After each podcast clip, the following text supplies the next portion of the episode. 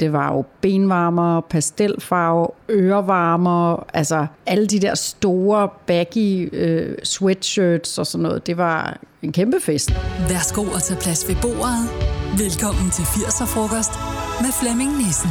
Den hvide matinikjakke med skulderpuder er fundet frem. Lakskoene, dem har jeg pusset, og håret det er fønet op til sjov. Nu skal vi til 80'er frokost. Jeg har tjekket bordplanen, og du skal sidde ved siden af mig, og på den anden side, der skal vi sidde sammen med en helt særlig gæst. Du har med garanti set hende på tv, hvor hun dukker op i rigtig mange sammenhænge, men mest i Godmorgen Danmark. Ja, glæder dig til at høre, hvordan 80'erne formede hende, og hvordan hun blev bevidst om at gå fra pige til teenager i netop de år. Kom med på en sjov, hyggelig og uforglemmelig rejse tilbage til 80'erne sammen med dagens gæst, som selvfølgelig er Michelle Belage. 23, 80'er 58 frokost. og 30. 80'er frokost. Michelle Belage, hvis du skal sætte et enkelt ord på 80'erne, eller måske et par stykker, hvad vil det så blive for nogen? Farver, fest, sjov og ballade, øh, nysgerrig på livet. Altså, jeg tror, det bliver en god 80'er frokost, det her, vil jeg sige. øh, det er jo en frokost, som jeg også siger her. Menuen, den er bare gode minder, for der er ikke noget mad på bordet. Du har fået et glas vand, det er, hvad det kunne blive til. Men øh, faktisk, så er det også en... Øh, altså, du har jo taget en rigtig 80'er-ret med. Prøv lige at fortælle, hvad det er for noget. Jeg har valgt fondue, og det er fordi, det er for mig indbegrebet af 80'erne. Hjemme hos mig i Tostrup, hvor jeg er vokset op med min mor, far og søster, der når vi skulle have gæster, og det skulle være sådan lidt ekstra fint, så skulle vi have fondue. Så hele hjemmet emmede af noget ganske særligt, når der var øh, ved at gøre, blive gjort klar til fondue. Og, og derfor så forbinder jeg det jo med, altså jeg har jo ikke været særlig gammel, med noget, der skulle være hyggeligt, og også noget med, at når mor og far så fik de her gæster, og fik lidt rigelig rødvin, så måtte man drikke alt det soda, man, man ville, og spise alle chipsene. Og, altså, så ja, fondue er for mig forbundet med, med noget meget nostalgisk og hyggeligt, og noget, hvor man måtte lidt mere, end hvad man måtte til daglig. Får du stadigvæk fondue? Nej, men det sjove er, at jeg har lige været med i et quizprogram på TV2, og der, uden at afsløre for meget, så vandt jeg. Og så var præmien et vintage fondue-sæt. Det er virkelig grimt og virkelig kikset, og jeg kan ikke smide det ud. Nu ligger det nede i min kælder, kælder, og en eller anden dag, så tror jeg faktisk, jeg skal prøve at lave lidt mad på det. Det kunne også være meget sjovt at prøve igen og se, ja. Hvad det egentlig om det var så lækkert. Ja, det tror jeg faktisk ikke, det er. Michelle, jeg er nødt til lige øh, allerede nu her lige at få spurgt dig, at du må skulle stave dit navn ret ofte. Jeg har jo skulle skrive øh, nogle ting ned, og vi har mailet sammen og sådan noget. Øh, og det, det er jo både fornavn og efternavn, man ikke sådan lige kan høre, hvordan staves. det må du skulle igennem ret ofte. Ja, og det, der er så irriterende, det er, min far er jo franskmand, og de tænkte dengang, jeg blev født, at de døbte mig, eller navngav mig Michelle, at så ville jeg sikkert blive gift med en dansker, der måske hed Jensen. Så for at være helt sikker på, at man stadig kunne se, at der var noget fransk i mig, så valgte de Michelle stave udgaven på den franske måde. Altså med et L og en accent grave. Altså det er virkelig besværligt. Men jeg har jo så aldrig taget en andens efternavn, så nu er det bare dobbelt op på besværligt med mit navn. Men det har du ventet dig til, tænker jeg. Ja, ja, jeg Ja, ja, ja. bliver kaldt alt muligt. Jeg er blevet kaldt Bernays, Balalaika, Belocchi, ja, ja, alt muligt. Men Michelle er vel rigtigt udtalt. Altså den der, den der du kaldte den noget fint, men den der apostrof-ting, Accent grave, ja. den der, øh, skal, skal, gør den noget specielt? Eller Ja. siger det rigtigt, Michelle? Ja, du siger det rigtigt. Okay. Altså, den, den, udtale, den gør jo så, at man udtaler edet som et æ, for ellers ville det være Michelle, hvis ikke der var noget over. Nå, ja, okay. Men jeg er glad for, at du ikke siger Michelle, fordi det er jeg ikke meget for. De ville også kræve et ekstra el, ville det ikke? Det, Jo. hvis man skulle det Jo, overhovedet. men eftersom mange jo tror det med to L'er, så siger de hej Michelle, og det kan jeg næsten ikke rigtig have. Nej, så det gør jeg ikke. og Tak det, for det. det har jeg ikke tænkt mig at gøre. Øh, Vi skal lige tilbage til maden, øh, og jeg skal høre, hvad din øh, familie er sådan meget traditionelle i madvalget. Nu siger du, de, var det din far, der var franskmand, ikke? Ja. Var I meget traditionelle i madvalget, eller, eller kom der en masse nyt ind over? Altså, i forhold til, at han var franskmand, så var vi faktisk meget traditionelle. Altså, vi fik frikadeller og øh, ja, alt muligt almindelig dansk mad. Så det var faktisk kun, når vi så var i Sydfrankrig og besøgte min farmor og farfar, så kørte vi jo helt franske retter. Men derhjemme, der var det meget dansk. Det var bøf med løg og Ja, det hele. sådan. 80'er frokost. Jeg er jo fra 1973, så for mig der var 80'erne skolegang i alle årene, og nu er jeg for pænt opdraget til at sige, øh, hvornår du er født, men jeg kan godt afsløre, at vi er sådan næsten jævnaldrende. Hvordan var skolen for dig? Vi er faktisk næsten jævnaldrende. Jeg er fra 72. Ja. Øh, folkeskolen for mig var, jeg var glad for at gå i skole. Altså jeg kunne godt lide at gå i skole. Jeg er gået på en helt almindelig øh, kommuneskole, øh, ikke så langt fra hvor jeg boede, og kunne cykle afsted og, øh, og var der med mine venner. Og jeg kunne godt lide at, at lære. Altså det har jeg altid synes var, var fedt. Så, øh, så jeg husker det som en god tid, men jo selvfølgelig også, altså fra 0. til 9. Der, der sker jo en del. Og jeg var sådan meget legesygt barn, og vi, vi havde nogle gode lærere, som, øh, som på en eller anden måde... Vi havde faktisk Johannes Møllehaves lillebror, okay. Erling Møllehave. Det var sjovt. Ja, og han var super pædagogisk, og han var dygtig til at tegne, så i stedet for at få karakterer eller udtalelser på skrift, så tegnede han smølfer, så fik man en uh, smølfine, hvis det var særlig godt, eller en gammel smølf. Eller, altså, så jeg husker det som uh, altså, en god oplevelse faktisk. Hvad var du for en type? Var du øh, midtpunktet i klassen, eller var du den stille? Altså, hvad var du for en... Stille har jeg sgu aldrig været. jeg var, øh, ja, det var jeg nok, øh, nu du spørger så direkte. Øh, jeg var ikke en ballademager, men jeg kunne, jeg kunne godt lide at optræde, og, og, og fandt i øvrigt også ud af, at det var jo meget god motivation. Altså, hvis jeg kunne mine ting, så kunne jeg række hånden op, og så kunne jeg få lov at sige noget i et lidt større selskab, ikke? Så det, det motiverede mig jo til, Så for at få lov at snakke i Ja. timerne, så... Ja. ja. Så derfor øh, så havde jeg matematiktimerne, fordi der kunne jeg sgu ikke række fingrene op særlig tit, og når jeg gjorde, så var det forkert. Så det har jeg dårlige minder af, fordi Ja, det lyder meget som noget, jeg kender det der, vil jeg sige. Øh, Hvad var dit yndlingsfag? Altså, nu siger du matematik. Det var mit absolut værste fag, det var. Ja. matematik. Men hvad var dit yndlingsfag? mit, var også, mit værste var også matematik. Mit yndlingsfag, det tror jeg faktisk var, øh, var dansk. Jeg var vild med faktisk øh, at læse og læse bøger og analysere og fortolke og sådan noget ret tidligt. Så jeg har også læst litteraturvidenskab efterfølgende, så jeg var meget vild med, med faget dansk. Det synes jeg var, det der med at læse bøger, det kunne jeg sgu godt lide. Kan du sætte kommaer rigtigt? Ja, det synes jeg selv, jeg kan. Jeg havde en god ven, der hed Jesper, og vi legede en del sammen, øh, indtil man ikke legede mere, så var man pludselig sammen. Mm. Øh, kan du huske noget sådan skift fra at være øh, barn og dem, der leger, og så til lige pludselig at skulle i hvert fald opføre sig, som om man var voksen?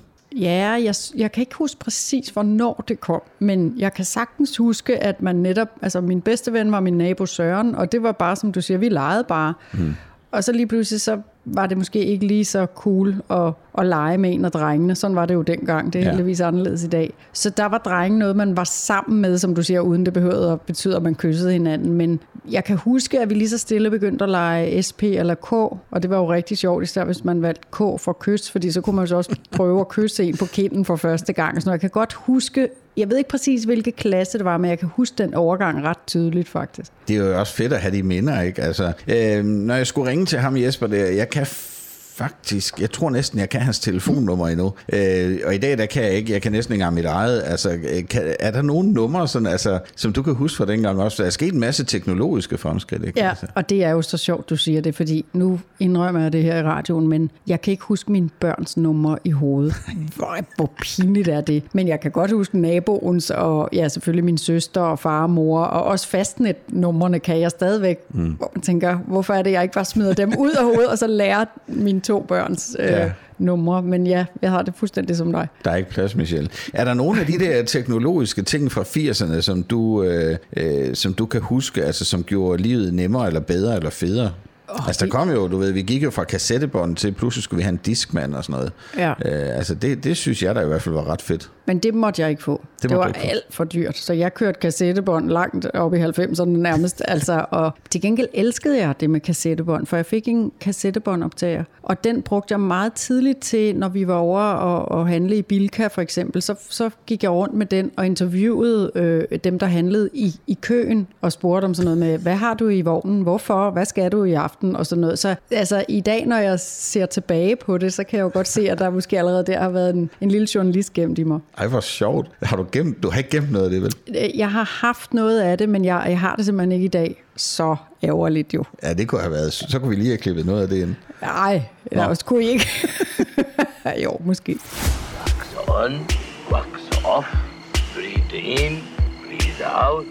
80'er frokost. Michelle, du har taget dine 84 hits med til dagens øh, frokost her. Hvad er det første, vi skal høre? Vi skal høre Madonnas Holiday. Og det er simpelthen fordi, når jeg hører den stadigvæk, så er jeg tilbage til, at lige om lidt, så er der sommerferie, mm. og øh, vi skal have det sjovt, og vi skal ikke i skole, og vi skal ikke tidligt op. Og altså alt ved det nummer signalerer jo bare, nu er der ikke bare ferie, men sommerferie faktisk. Havde du det også sådan lige før sommerferien, at nej, når vi kommer tilbage, så er vi blevet ældre, og så skal man pludselig opføre sig anderledes, fordi så går vi fra 7. til 8. klasse og sådan noget. Altså jeg kunne godt få sådan næsten øh, panikangst inden sommerferien, fordi gud, nu skal vi være noget andet, når vi kommer tilbage. Havde Du, du, har været meget mere reflekteret, end jeg var. Jeg tænkte bare, way, nu har vi seks uger sommerferie, eller hvad man nu havde, ikke? Og jeg glædede mig bare, altså hver eneste dag, synes jeg var fed, fordi, der, var- fordi det var sommer.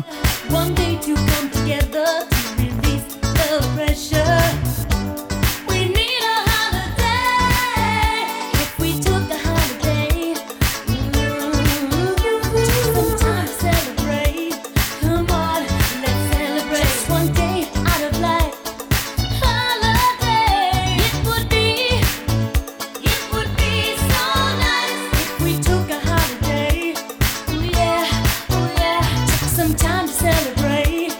Jeg gik ikke så meget op i tøj øh, der i starten af 80'erne, og hvis man ser mig i dag, vil man øh, måske nok sige, sådan er det stadigvæk. øh, jeg tog det, der øh, lå øverst i, i skabet og sådan noget. Jeg havde fløjlsbukser, kan jeg huske, øh, og når jeg ser de billeder i dag, så tænker jeg, hvad har de haft gang i med lapper på knæene og sådan noget der. Gik du meget op i tøj og dit udseende? Øh, ja, det gjorde jeg. Øh, på et, altså ikke da jeg var lille jo, og der havde jeg også præcis det der, hvor man tænkte, hvad tænkte de på, helt ærligt. Og det var hjemmehæklede veste, og det var fløjelsbukser og rockgummisko, og ja. Men altså, smarte skulle vi jo være, synes vores forældre. Øh, men senere hen, selvfølgelig, da jeg begyndte at blive lidt ældre, så, så var tøj jo meget spændende for mig. Og især i 80'erne husker jeg jo tøjet, fordi det var jo benvarmer, pastelfarve, ørevarmer, altså alle de der store baggy øh, sweatshirts og sådan noget, det var en kæmpe fest. Altså mange af de der pastelfarver, ja, skulderpuder. Ja, ja. Og lige præcis skulderpuder er, var jeg ikke så glad for, fordi jeg oplevede i fysik, som også var et fag, jeg ikke var så god til, at øh, der, der midt i timen, da han skulle lave sådan en eller anden rulleskøjte test, eller hvad det var, man laver i fysik, så løb han ind, og så faldt han i noget, og så tog han det op foran hele klassen, løftede sin hånd der, og så havde han min skulderpude, og så sagde han, hvad er det? Og så måtte jeg jo sige, det, det er min. Og han anede jo ikke, hvad skulderpude var. Så jeg blev kølet ude for døren, fordi jeg havde så for, at han skulle falde i min skulderpude. Ja. Okay. Men det var fordi, dengang så kunne man jo spare ved at, man kunne sætte dem fast med sådan noget velcro, så ja. man kunne ligesom skifte dem i hver trøje eller jakke, du havde. Ja. Ikke? Så du gik altså med skulderpuder. Er der noget af det tøj, du savner fra dengang? Er der noget, du tænker, ej, det kunne have været fedt, hvis det stadigvæk var hot? Ja, meget af det er jo på vej tilbage. Altså øh, også sådan noget som ball, hvis du kan huske de der Ja, sweatshirt. Det er jo, det det er jo kommet tilbage nu, og jeg måtte jo ikke få det der. Det var jo dyrt mærketøj. Ja. Og i dag, altså jeg ved ikke, hvor smart jeg synes, det er, men jeg kunne godt finde på at købe en balltrøje, bare fordi jeg kan nu. Så hvis vi får dig at se i, uh, i Godmorgen Danmark med en boldtrøje, så ved vi hvorfor. ja, præcis. Tag det bare helt roligt. Vi skal nok klare det sammen, os to. 80'er frokost. Jeg er jo opvokset i Sønderborg, og mine forældre øh, var selvstændige med eget bageri. Øh, især i starten, der var ferie ikke så noget, øh, vi havde råd til. Så da vi første gang skulle til Grækenland, der var det store sager for os, kan jeg huske. Det var sådan, at vi skulle flyve, og det var helt vildt. Øh, rejste I meget i din familie? Øh, ja, men vi havde heller ikke øh, så mange midler, så vi, vi fløj aldrig. Altså, vi kørte, og du kan nærmest, du får tre gæt til at vide, hvorhen vi skulle til hver sommer. Ja, Frankrig. Præcis. Ja. Så vi kørte jo igennem Tyskland 2.000 km til Sydfrankrig hver eneste sommer. Og, og der, vi taler jo ingen aircondition. Altså, mm. mor og far sad og smårøg på forsædet. Vi måtte ikke åbne vinduerne, fordi det larmede, når man kører på motorvejen. Ingen sikkerhedssele. Min søster og jeg sad bare bagved og var kogende varme i det her røgfyldte Ja. bil. Ikke? Så det husker jeg med blandede minder, i hvert fald turen derned. Men, men hvordan var det så at være dernede? Fordi altså, vi kørte til Sydfrankrig, der var jeg blevet noget ældre. Det var lige inden jeg havde fået kørekort, og det ærger jeg mig over, at jeg ikke havde fået, så kunne jeg også have kørt. Men øh, hvordan var det at være i Sydfrankrig? Det var jo, det er jo fantastiske minder derfor. Vi, vi er jo øh, igen stadigvæk hver eneste år, altså om sommeren tager vi til Sydfrankrig. Første mange år var vi i Nice, for der bor min farmor og farfar. Og, og så købte mine forældre selv et øh, lille lejlighed ved, øh, lige ud til Middelhavet. Og øh, ikke særlig stor, men vi var hele tiden på den der store terrasse, der var. Så det er jo forbundet med, altså det er jo et slags sommerhus for mig og, og, og vi, vi skulle ligesom gøre de samme ting, og ned til den lokale bager, og spise mulfrit og fiskesuppe, og altså det, det er forbundet med meget stor nostalgi, og vi tager jo som sagt stadigvæk derned hvert år. Nu har jeg så lukket min gode ven Hans Bilgaard med. Han, ham og hans mand kommer også med hver eneste år. Det er jo super fedt. Jeg er nødt til at høre, det ligger lidt i kortene, men øh, kan du tale fransk? Ja, det kan jeg godt. Sådan helt, øh, så man ikke kan høre, du er dansker. Ja, altså en franskmand ville nok godt kunne høre, at jeg ikke var. Men øh, ja, måske du ikke vil kunne høre. Det er jeg lidt jaloux over, fordi jeg har set den der øh, pigen med den blå cykel. Jeg vil ikke engang sige den franske titel. Og vi har også været i Frankrig, og det er simpelthen noget af det værste, jeg ved, er at prøve at stå. Jeg har stået og sagt som en ko inde ved en slagter, fordi jeg skulle have oksekød, og ikke ville have hestekød. Og det var, altså, det var noget frygteligt noget. Men det, det er altid godt at kunne sproget. Den gave har du jo så fået, kan man Ja, sige. det er rigtigt. Det er jeg meget taknemmelig for. Hvordan så der ud hjemme hos dig i 80'erne, hvis, du, øh, hvis nu vi øh, står ved døren til dit værelse og åbner det? Hvordan ser der så ud inde på dit værelse? Altså, der var, jeg kan huske, at der var øh, kork på gulvet. I, I de andre rum var der også på væggene. Det var åbenbart meget moderne. Men hos mig var der hessian.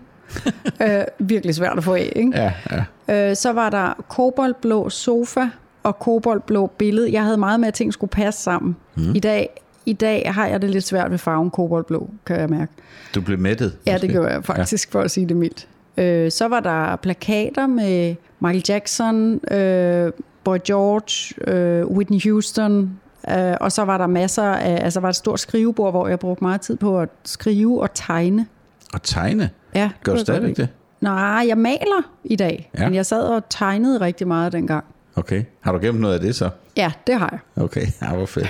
øh, hvis man så øh, går ud i jeres hus, hvordan så der ud i resten af huset? Altså boede I dansk, eller var der meget fransk præg? Altså, vi boede, vi boede meget dansk. Det, der var det franske hos os, altså udover at vi har fået sproget med, det var nok hele den mentalitet. Der var altid mange mennesker. Altså, vores hus var altid åbent. Og hvis folk lige kom forbi, eller sådan lige skulle låne, hvis naboen skulle låne, kom der jo indenfor at få et glas rødvin. Og sådan. Altså, det er meget øh, åbent, gæstfrit hjem, at jeg voksede op med. Og det er ikke fordi, jeg siger, at danskerne ikke er gæstfri, men det var meget nemt. Man behøvede kun lige at have mødt bageren før. Så sad han også og fik en kold øl ude på verandaen. Ikke? Altså, og det tror jeg er meget sydlandsk måske. Har du selv adopteret noget af det? Ja, det har jeg det hele. så det er, man er altid velkommen Ja, hos Michelle. præcis. Også dig. Ej, hvor fedt. SQ siger UASH siger os. Squash. 80'er frokost. Michelle, du har taget et øh, nummer mere med. Hvad skal vi høre nu? Vi skal høre Afrika med Nana og alle de andre. Ja, og alle de andre. Ja. Det er hende, der har skrevet den i hvert fald. Ja. Og grunden til, at jeg har valgt det, det var fordi, jeg brugte også meget tid på at stå med en, en hård øh, børste som mikrofon, og så ligesom øh, prøve at være de der kunstnere, jeg godt kunne lide. Og det, der var sjovt ved den her, det var, så kunne man jo imitere, altså prøve at efterligne alle de kunstnere, der var med. Og det brugte jeg meget tid på at, at, at prøve at være både Anne Dorte Mikkelsen og Michael Falk og øh, alle sammen på en gang. De skulle bare vide nu, når jeg har dem i studiet i dag, hvordan jeg stod, altså som øh, 12-årig og Kunne, bare du, kunne du lyde som dem? synes jeg jo selv, ikke? Men, men du skal ikke spørge mig, hvordan det lød. Ah, det vil jeg altså godt. Jeg vil lige have sagt, kan du lige synge for? Men uh, det, det slipper du for, så, så lad os bare høre den.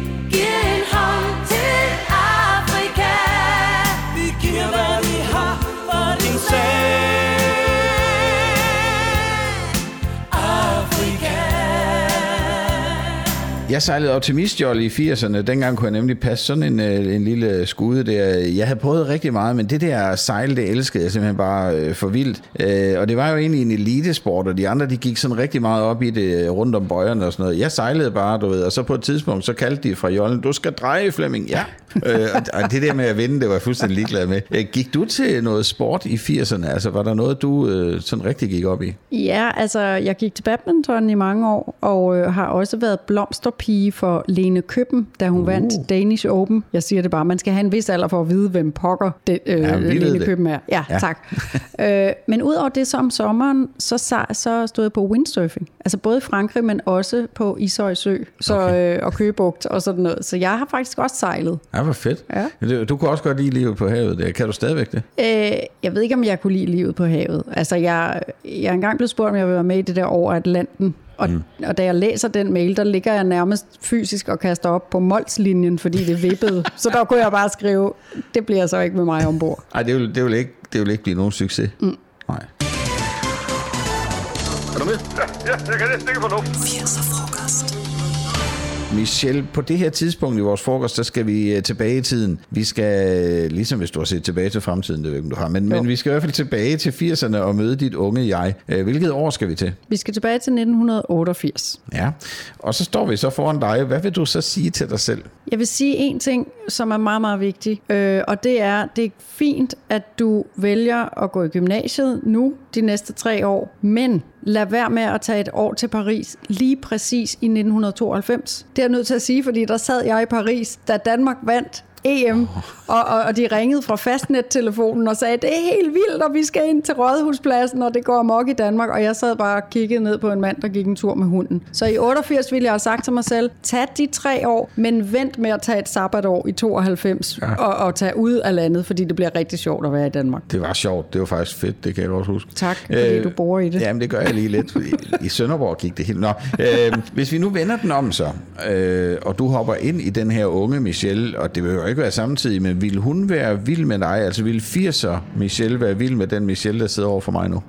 Det sjove er, at jeg er meget mere nu tilbage og minder om den, jeg var i 80'erne, end hvis du havde spurgt mig øh, om 90'erne eller år 2000. Øh, så jeg er jo her i min, i min lidt øh, øh, modne alder jo blevet meget mere, som jeg var dengang. Altså farverig og øh, have det skide sjovt og altså gå, gå, gå ind i alle mennesker med træsko på, skulle jeg til at sige, og, og, og være åben over for, hvad der sker i mit liv. Der havde jeg faktisk mere i 90'erne og øh, i 0'erne en, en lidt mere tung periode, og det var børn, og der var øh, hårde uddannelser og sådan noget, hvor 80'erne, der var det sjovt. Og jeg føler lidt, at jeg er sådan en moderne udgave af 80'erne nu. Så du er næsten tilbage i 80'erne? Ja, lidt. Altså, jeg mangler lige de der benvarmere, men de kommer nok. Så nogen kan jeg måske prøve at strikke til. Nej, jeg kan ikke strikke. Det må vi hellere være med. Det her er 80'er frokost. Vi boede tæt på noget, der hedder Sønderskoven i Sønderborg, hvor vi lejede hule og byggede sådan nogle små øh, steder af gamle grene og alt muligt. Og der gemte vi os så, øh, for det var jo hemmeligt selvfølgelig, at vi havde de her huler, men jeg tror, alle dem, der kom forbi, de kunne høre, at vi var der. Øh, hvad lejede du dengang, altså i 80'erne? Øh, og, og var det kun sådan en pigeleje, eller var der drengeleje indover? Ja, altså jeg legede alt muligt. Jeg, øh, jeg havde en ret vild fantasi, så jeg med mine veninder øh, dannede jeg et band, da jeg var de der 9-10 år, som hed Baby Jane's Big Band. Du må ikke spørge mig, hvorfor det hed det. øh, og der, der indspillede vi på øh, kassettebåndoptager øh, numre, hvor vi spillede på øh, potter og pander med grydeskeer og sådan noget. Jeg var også rigtig meget ude i naturen og, og ligesom forestillede mig, at alle træer og blomster, de var forskellige figurer, altså sådan en, en eller anden kæmpe øh, Netflix-serie fra The Vikings, det var der inde i mit hoved. Og så havde vi jo ikke råd til alt muligt. Og jeg ville enormt gerne have en hest, men jeg havde så en fiktiv hest, altså en hest, jeg troede på var øh, i live. Og når jeg så skulle i skole og bad min morfar om at holde og passe den her hest, så kunne jeg begynde at græde, når jeg kom hjem, fordi de ikke havde hånden oppe, som om de holdt hesten der. Ikke? hvor så, vildt. så ja, jeg havde en lidt, altså en så vild fantasi, at min mor nogle gange sagde, gud, om der er noget galt med hende, men altså, det er da gået ok siden. Det jeg siger, du ser helt normal ud. Altså, der, er- der På er overfladen, ja. øh, og jeg skal nok holde din hest, indtil vi er Ja, færdige tak skal her. du have. De kommer i nat! De kommer i nat! Det bliver et helt stort panseland! Vi er nået til din tredje sang her i 80'er-frokosten, og hvad er det, du har med nu? Der er jo taget sådan et rigtig godt øh, dansenummer, eller et nummer, hvor man i hvert fald får lyst til at bevæge sig med Pointed Sister, I'm So Excited, som jeg stadigvæk kan sætte på, altså hvis jeg tænker, nu skal jeg op af den sofa, og nu skal der gang i den. Og det minder mig om, at det også var en tid, hvor at, øh, jeg dyrkede meget motion, altså selvfølgelig gik jeg til badminton og, og surfede, men der var også sådan, be, vi begyndte lige så stille på sådan noget aerobic, og, altså, og i i, i, altid var det det nummer, der også kom på, når man ligesom skulle varme op til halvfesterne og sådan noget. Så det er forbundet med øh, god energi, men også komme op af sofaen. Så må vi se, om du giver dig til at danse rundt her. Så, skal jeg bare have dig ned og sidde igen, inden musikken er færdig. love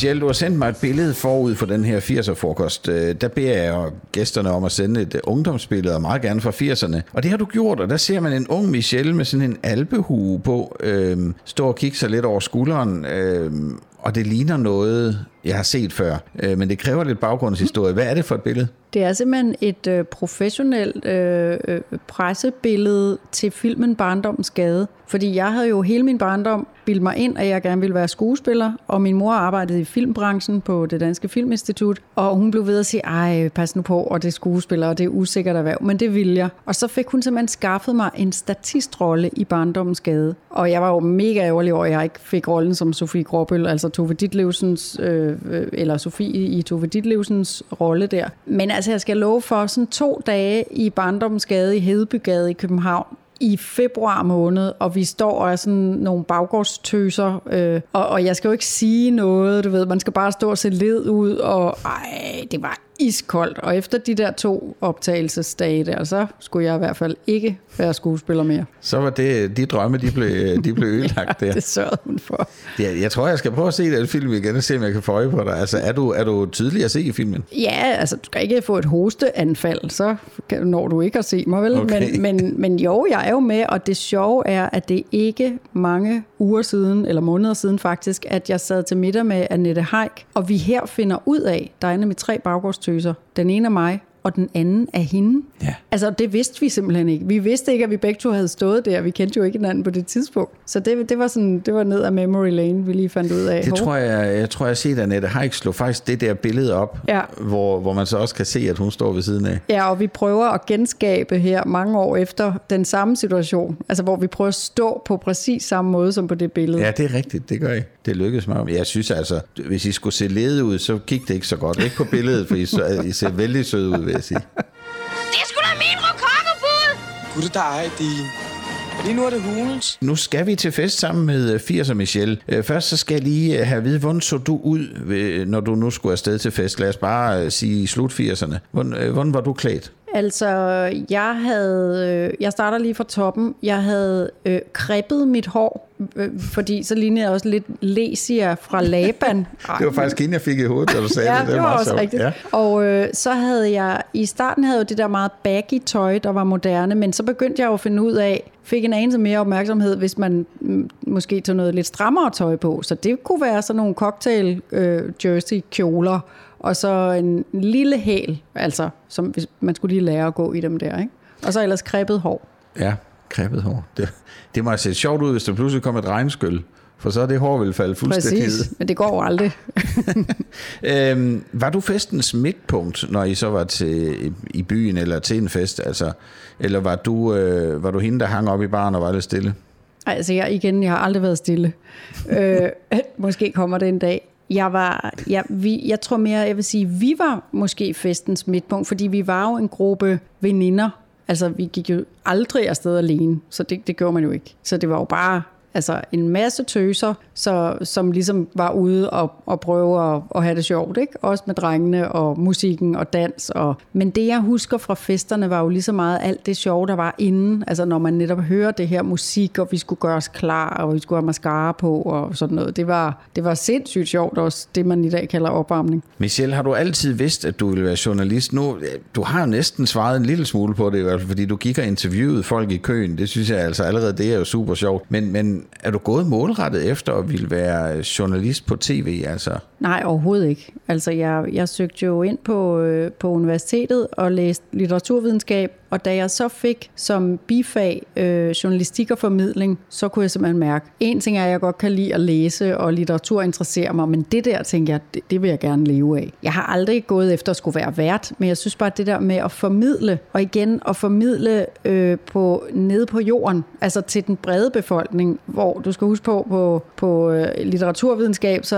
og universitetet, så handlede det om, at hvis man fandt et ord, så købte jeg en fremmed bog, og så skulle jeg slå op, hvad er et sværere ord, end det jeg egentlig vil sige. Ja. Og da jeg så pludselig fik journalistik som bifag, så tænkte jeg, det, er prøv at høre, det er jo det, det handler om. Det er jo at kunne formidle svære ting på en nemt tilgængelig måde, og så der var jeg fuldstændig solgt. Øh, hvis du nu ikke var blevet, hvis du ikke var gået den vej, hvad tror du så, du var blevet? Hvad havde du så lavet i dag? Jeg havde du nogle drømme om noget andet? Altså? Ja, altså jeg, øh, jeg var jo i mange år, øh, der underviste jeg jo i fransk på aftenskolen på FOF, og det synes jeg var sjovt, og det er jo meget skægt, for det er jo også stadigvæk noget med at, at stå lidt på en scene foran mange mennesker, men jeg, og så var det det at formidle. Så, så måske var jeg blevet en ret god lærer. Nå, en lærer, ja, det kunne da grunden godt være. Øh, når du nu sidder i, øh, det, det har jeg bare lige lyst til at spørge om, fordi vi var i, i Tivoli i går, det er vi hver gang vi er herovre, vi har købt sådan et kort. Øh, sådan er man, når man er fra Jylland. øh, men, men der kunne vi jo se det der studie, og når man ser det hjemme på tv, så ser det jo stort ud. Men det er ikke ret stort. Altså, hvordan Nej. er det at sidde der og vide, at der er rigtig mange mennesker, der ser med, men de står jo ikke foran dig? Nej, altså jeg, jeg tænker ikke så tit over det. Altså jeg tænker jo først over det, når, når folk måske skriver efterfølgende. Så tænker jeg, gud, altså, og mange ser det faktisk også helt fra Spanien eller Grønland og sådan noget. Nogle gange er der, er der danskere, der skriver til os derfra, og, og det, øh, det, det er faktisk først bagefter, jeg tænker over det. Mm. Øhm, så derfor, når jeg også øh, nogle gange er ude og holde foredrag, det kan jeg godt lide, fordi her står jeg jo foran, altså så kan det være, at det er måske 200 mennesker, jeg står foran, men, men jeg kan godt lide det der med også at kunne kigge nogen ind i øjnene, og jeg tænker ikke over, at jeg måske sender for en halv million hver morgen. Og derfor kan jeg godt nogle gange savne, at der faktisk er rigtige mennesker, altså ud over vores fantastiske hold. Walter, jeg tror, jeg er enig med min pilsner, når den siger, den gerne trækkes op. Det her er 80'er frokost. Vi er nået til den sidste af de fire sange, du har taget med til 80'er-frokosten. Øh, hvad skal vi høre nu? Vi skal høre Wham! Club Tropicana, og det er jo, fordi jeg bare var vild med Wham!, som de fleste jo nok var i, i 80'erne, og nogle af det stadigvæk. Lige præcis den der sang, altså det jeg er mest vild med med den, det er, at man kan jo høre, det er det jeg forestiller mig, altså der kommer en bil, der bliver åbnet en dør, man kan høre nogle stiletter stige ud af bilen. Jeg forestiller mig, det er en eller anden fancy øh, øh, kvinde, som skal til den fedeste fest. Og jeg har altid ønsket mig, jeg kan ikke huske, om der var en musikvideo egentlig, men jeg har forestillet mig, at tænk, hvis man kom til den der fest, hvor de stod og spillede, og hvor man bare kan høre, der er god stemning, og der er helt sikkert varmt, og der er nogle gode cocktails. Så derfor elsker jeg stadigvæk den sang. Let me take you to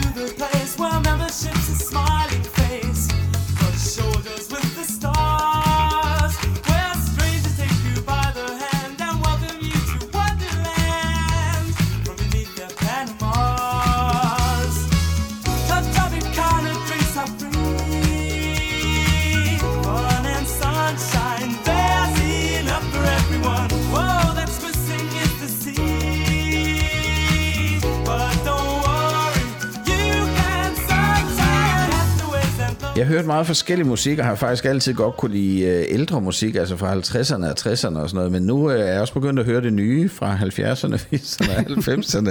øh, er der noget af det musik, øh, du hørte fra den gang, som du stadigvæk hører? Altså hvis du skal sætte musik på. Nu, nu fortalte du med den der øh, I'm so excited, men er der, er, der, er der musik, du vender tilbage til? Ja, altså næsten al 80'er musik vender jeg tilbage til. Og nogle gange, ikke, så er mine veninder og gæster og sådan noget lige ved at blive... Altså, de kan selv være øh, opvokset i 80'erne, og så siger de, stop nu, Michelle. Altså, det er, det er stadigvæk... Jeg tror simpelthen, det er fordi, det er et årti, jeg forbinder med en masse dejlige ting. Så det er jo det, jeg også øh, så hører, når jeg skal prøve at blive glad igen, ikke? Hvad hører de for noget musik derhjemme? Altså med en far, der er franskmand, kunne man jo godt forestille sig, at der var noget fransk musik. Ja, altså der var det jo en blanding af kun fransk musik fra min fars side, Edith Piaf, Charles Navour, øh, øh, Michel Fugain, alle, alle mulige store franske kunstnere. Og så min mor, der jo er fra Nykøbing Falster, og som jo hørte øh, Susanne Lana, og altså dansk topmusik, så det er jo et kæmpe mix af